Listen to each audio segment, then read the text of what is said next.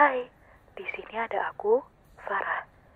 Semoga hari ini adalah hari yang penuh kebahagiaan dan kebaikan-kebaikan yang tiada henti mengiringimu.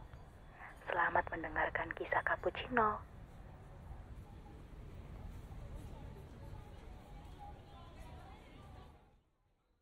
Hai, kembali lagi di podcast Kisah Cappuccino bareng gue Farah. Gimana nih kabarnya? Semoga semuanya dalam keadaan sehat tanpa kekurangan suatu apa pun ya. Episode pertama yang gue kasih judul Friendzone oh Friendzone ini gue rekam tanggal 17 September 2020 pas siang menuju sore. Hari Kamis. Langitnya tuh cerah. Bagus sih. Tapi panasnya ya Allah. 36 derajat dong. Di tempat lo sekarang lagi gimana nih?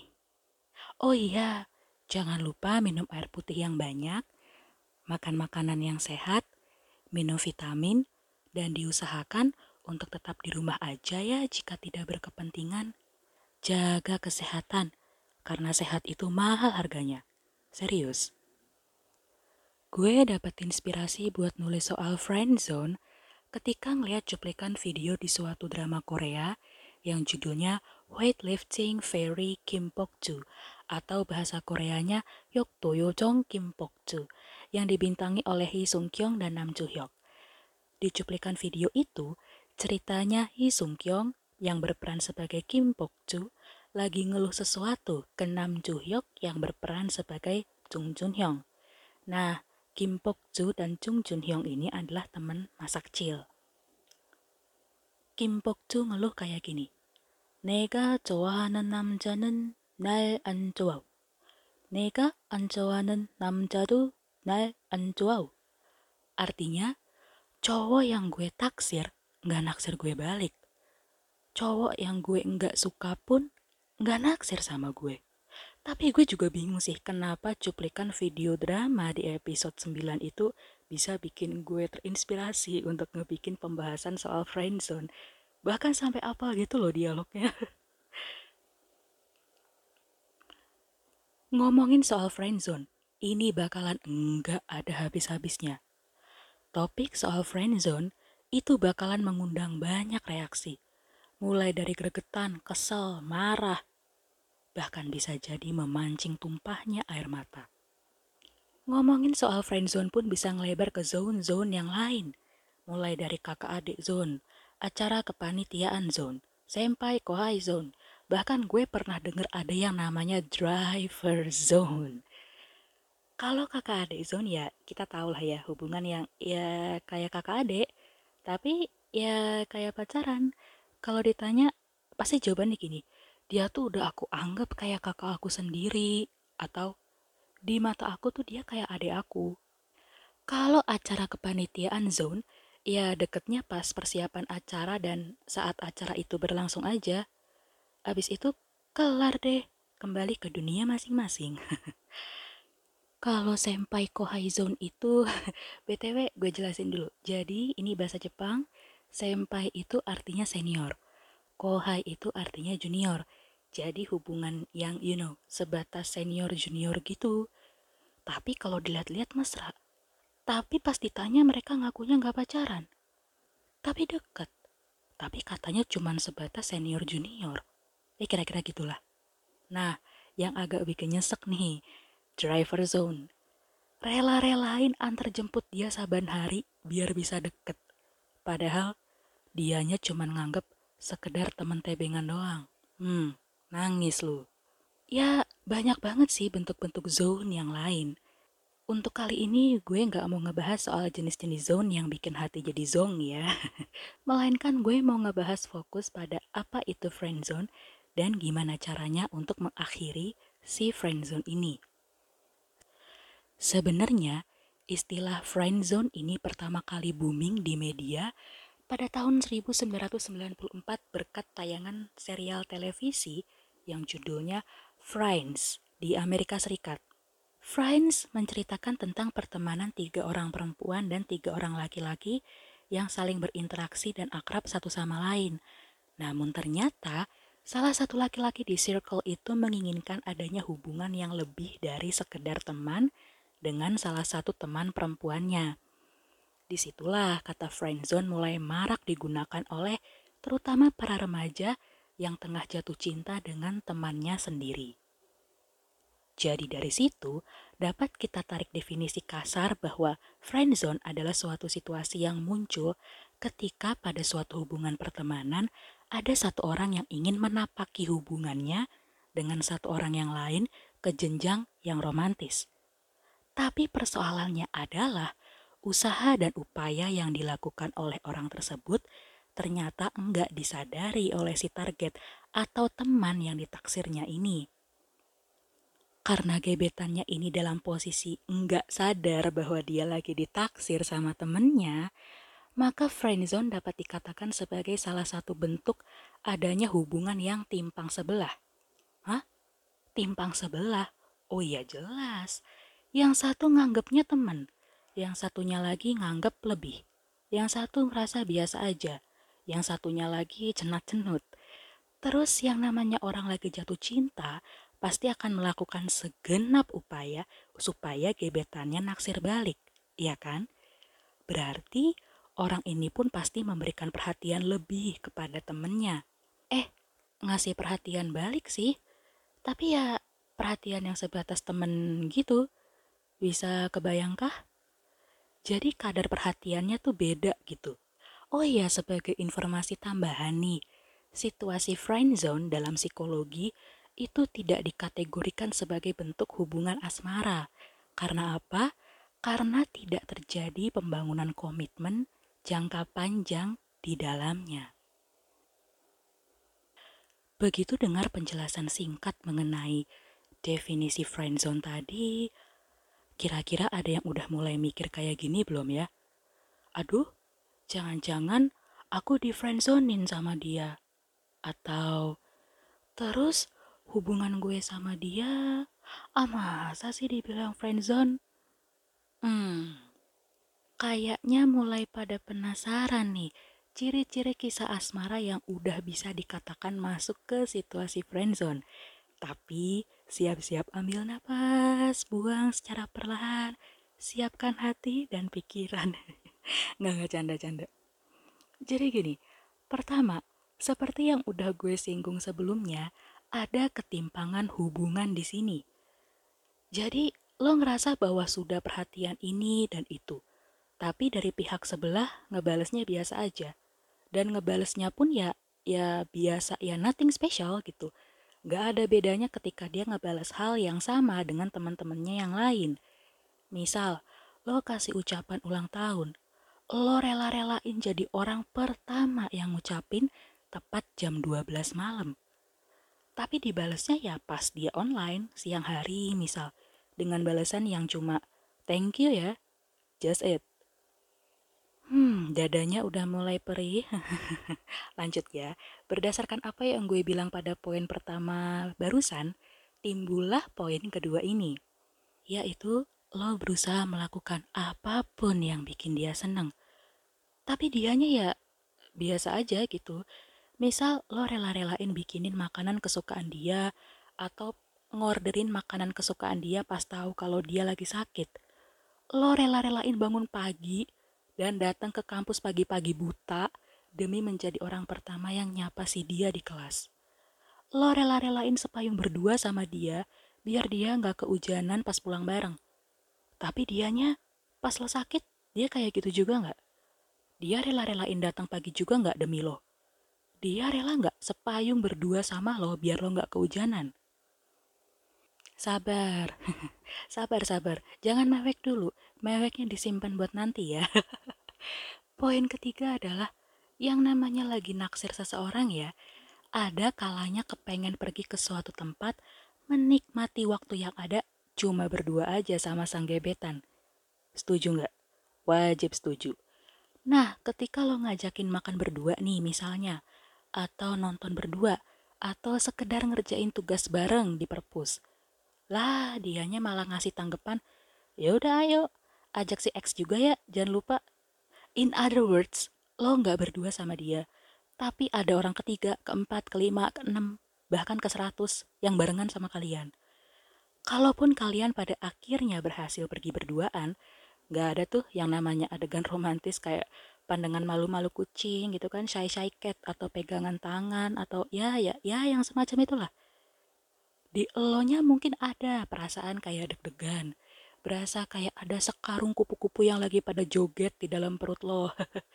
Tapi si dia udah mulai nyut-nyutan, kepala pusing, sabar bu, sabar, masih ada lagi nih. Keempat, kalau udah nyenggol-nyenggol pembicaraan soal lawan jenis. Dia akan belak-belakan, terbuka, cerita dengan polos tanpa dosa gitu aja sama lo soal lawan jenis yang dia suka. Dia taksir, dia jadikan sebagai ciri-ciri idealnya. Bener-bener tanpa dosa aja gitu cerita kalau gue suka cowok yang rahangnya tajam, badan kekar, tinggi, seksi, aw. Atau dia cerita kalau gue tuh suka cewek yang putih tinggi langsing bening aw kayak bihun. Apalagi kalau dia cerita kayak gitu dalam keadaan di mana lo kondisinya berlawanan sama dia. I mean berlawanan sama apa yang dia ceritain. Misal kayak yang gue sebutin. Dia suka sama cowok yang badannya kekar. Tapi kondisi fisik lo pada saat itu ya belum seperti yang dia deskripsikan.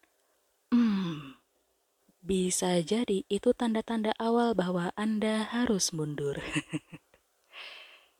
tanda terakhir, ini dia tanda yang harus lo perhatikan dan harus lo akui memang ini adanya. Lo mulai berasa capek sama semuanya.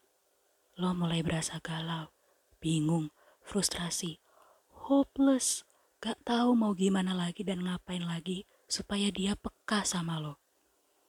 Ada pula rasa yang lo pengen mundur, lo pengen menghentikan ini semua, tapi nggak tahu, rasanya nggak bisa, pengen maju, bingung, pengen mundur, sayang banget.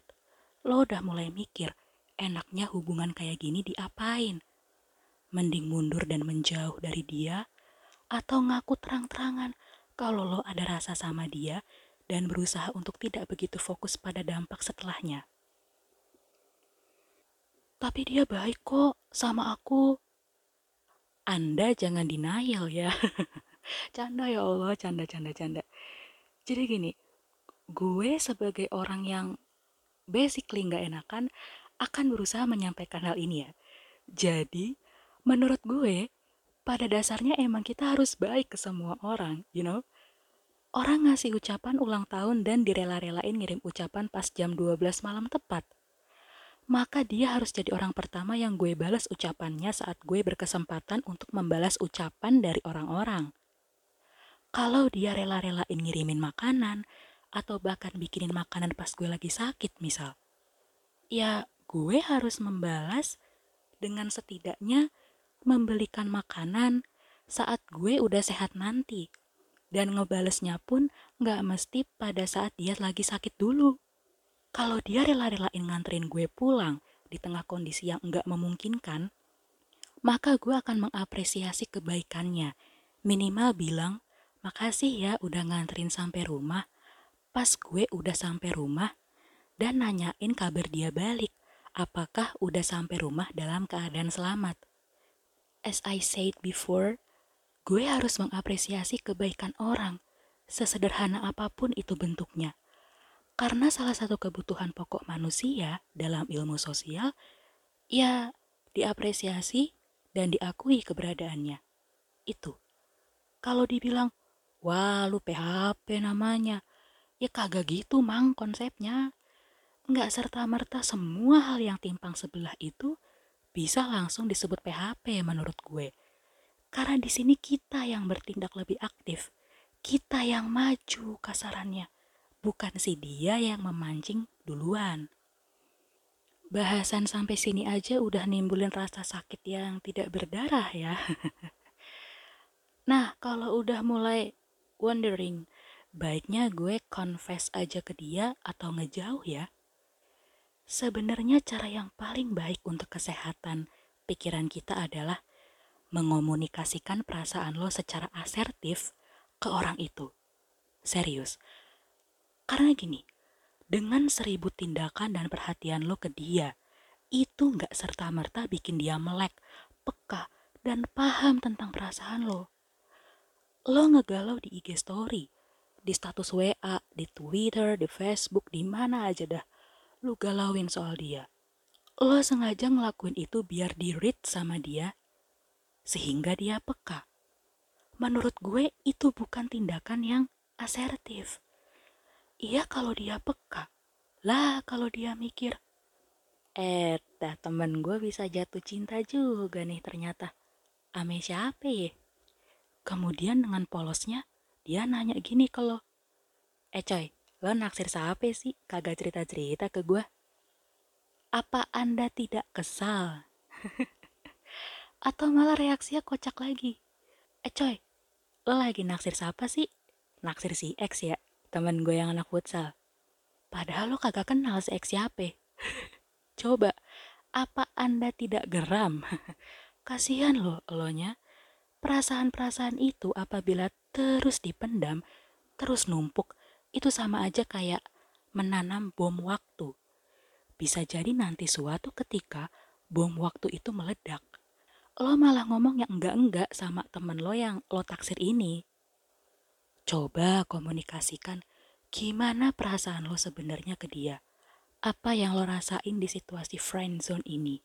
Harapan lo ke dia itu apa? Apa aja yang nyebabin lo tuh jadi suka sama dia? Coba utarain dengan singkat, jelas, dan tepat sasaran. Kalau ada komunikasi kayak gini, gebetan lo alias temen lo ini juga akan jadi paham mengenai perasaan lo dan bisa dengan jernih juga untuk sama-sama mencari jalan keluar. Kan beruntung juga kalau ternyata dia ada rasa sama lo, hehe ya kan? Ya siapa tahu aja sih. Tapi ketika lo mendengar bahwa teman lo ini hanya nganggap lo sekedar teman aja, ya lo juga harus siap. I mean, dalam hidup itu pasti menyimpan sejuta pilihan yang masing-masing di balik itu semua pasti ada konsekuensinya yang harus kita tanggung. Ya kan? Maka, kalau lo memilih untuk mencoba mengomunikasikan perasaan lo tersebut, ya ini konsekuensinya. Dia sudah nyaman dan merasa cukup temenan sama lo. Maka, langkah terbaik selanjutnya adalah memvalidasi perasaan lo dan memahami pendapatnya.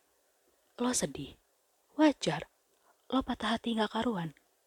Wajar. Lo rasa kecewa. Wajar. Dia ngerasa nyaman temenan sama lo. Wajar. Dia ngerasa lo bukan tipe idealnya. Wajar juga. Dia udah ada gebetan yang lain. Ya, tetap wajar. Gak ada yang salah di sini. Baik lo maupun dia.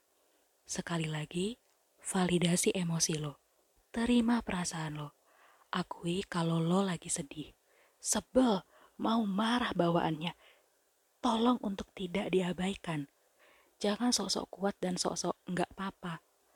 Kalau kayak gitu, lo sama aja lagi ngebohongin dan nyakitin diri lo sendiri. Sekali lagi, yang ingin gue tekankan adalah di sini nggak ada yang salah. Rasa cinta lo ke dia pun nggak salah dengan lo bisa memvalidasi emosi lo, menerima kondisi lo, menerima pendapatnya dia juga, itu menurut gue bisa meminimalisir adanya kemungkinan untuk dendam misalnya. Dendam di sini bukan berarti dendam yang, you know, berniat membalas perilaku seseorang dengan cara jahat dan keji. Bukan. Tapi dendam di sini kayak contohnya gini. Liatin aja nih, lo nggak naksir gue karena muka gue burik kan? Awas aja. Kalau muka gue udah kinclong kayak ubin musola, hmm, Raja Arab juga bakalan ngebet ngehalalin gue. Itu bukanlah cara terbaik. Kasihan diri kamu. Masa iya sih kamu rela berubah? Cuman semata-mata demi orang lain.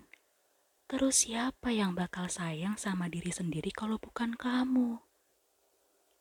Ketiga, kalau butuh waktu, untuk menjauh dari dia sebentar, nggak apa-apa. Tapi komunikasikan lagi ke dia secara baik-baik. Jangan sampai dia berpikir gini, ya ampun, gue udah nolak dia nih. Apa dia marah ya sama gue? Ya, gue kehilangan temen deh. Gitu. Jangan. Bilang juga kalau lo lagi butuh waktu untuk berpikir jernih, biar ke depannya hubungan pertemanan kita nggak rusak gitu gue sih percaya dia bakal ngerti dan kasih space buat lo sendiri dulu. Dengan catatan, ketika kondisi sudah membaik, kembalilah berhubungan sama dia seperti biasa ya. Keempat, move on. Nah, untuk poin ini terserah deh lo mau move on dengan cara gimana. Ada orang yang menyibukkan diri dengan menggeluti hobi. Ada yang menghabiskan waktu luangnya dengan keluarga, atau sama hewan peliharaannya. Ada yang mencari suasana baru dengan mengubah beberapa kebiasaan lama. Misal, biasanya ke kampus naik motor. Nah, supaya bisa move on, dia pergi dan pulang ke kampus naik kereta, kayak gitu. Atau yang biasanya jajan mie ayam, terus ganti jajanan jadi nasi ayam bakar. Ada kok yang kayak gitu.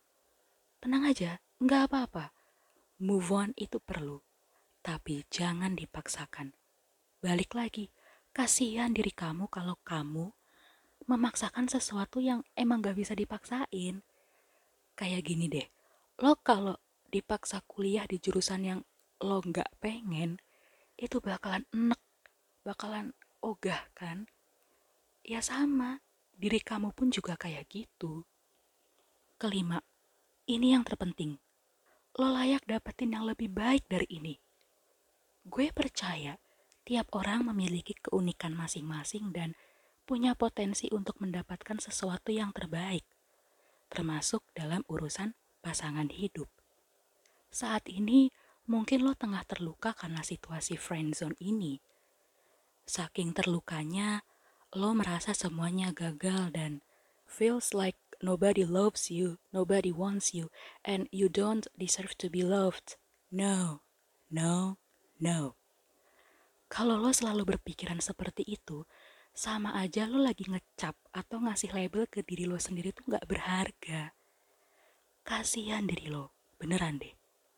Karena gini, siapa lagi yang harus benar-benar dan yang utama lo perhatikan juga lo percayai kalau bukan diri lo sendiri lo tetap berkesempatan untuk mendapatkan cinta yang lebih baik lagi daripada kisah yang ini menurut gue. Tapi kapan, di mana, dan sama siapa itu semua rahasia Tuhan. Mungkin ada baiknya fokus melakukan pengembangan diri dulu supaya ya hitung-hitung kisah cinta lo lebih sophisticated buat diceritain ke anak cucu nantinya. Misal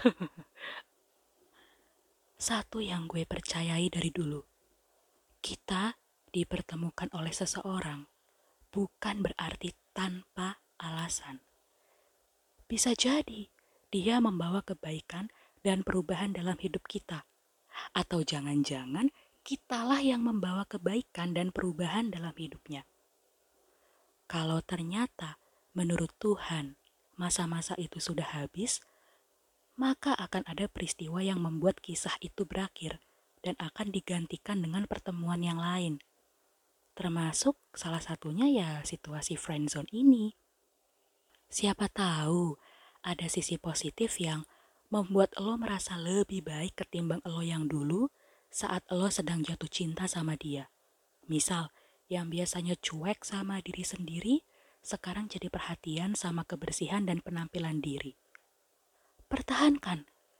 Tetaplah berpenampilan menarik, tapi bukan untuk dia, melainkan untuk diri lo sendiri. Dan untuk masalah cinta, sebenarnya banyak lo yang mencintai lo. Ibu, ayah, kakak, adik, sahabat, termasuk juga hewan peliharaan lo. Iya, mereka semua tuh cinta dan sayang sama lo. Karena apa? Karena kamu berharga.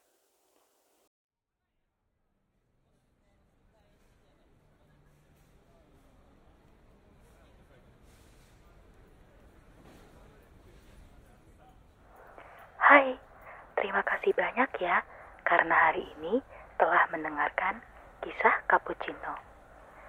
Sampai bertemu di kisah cappuccino selanjutnya ya.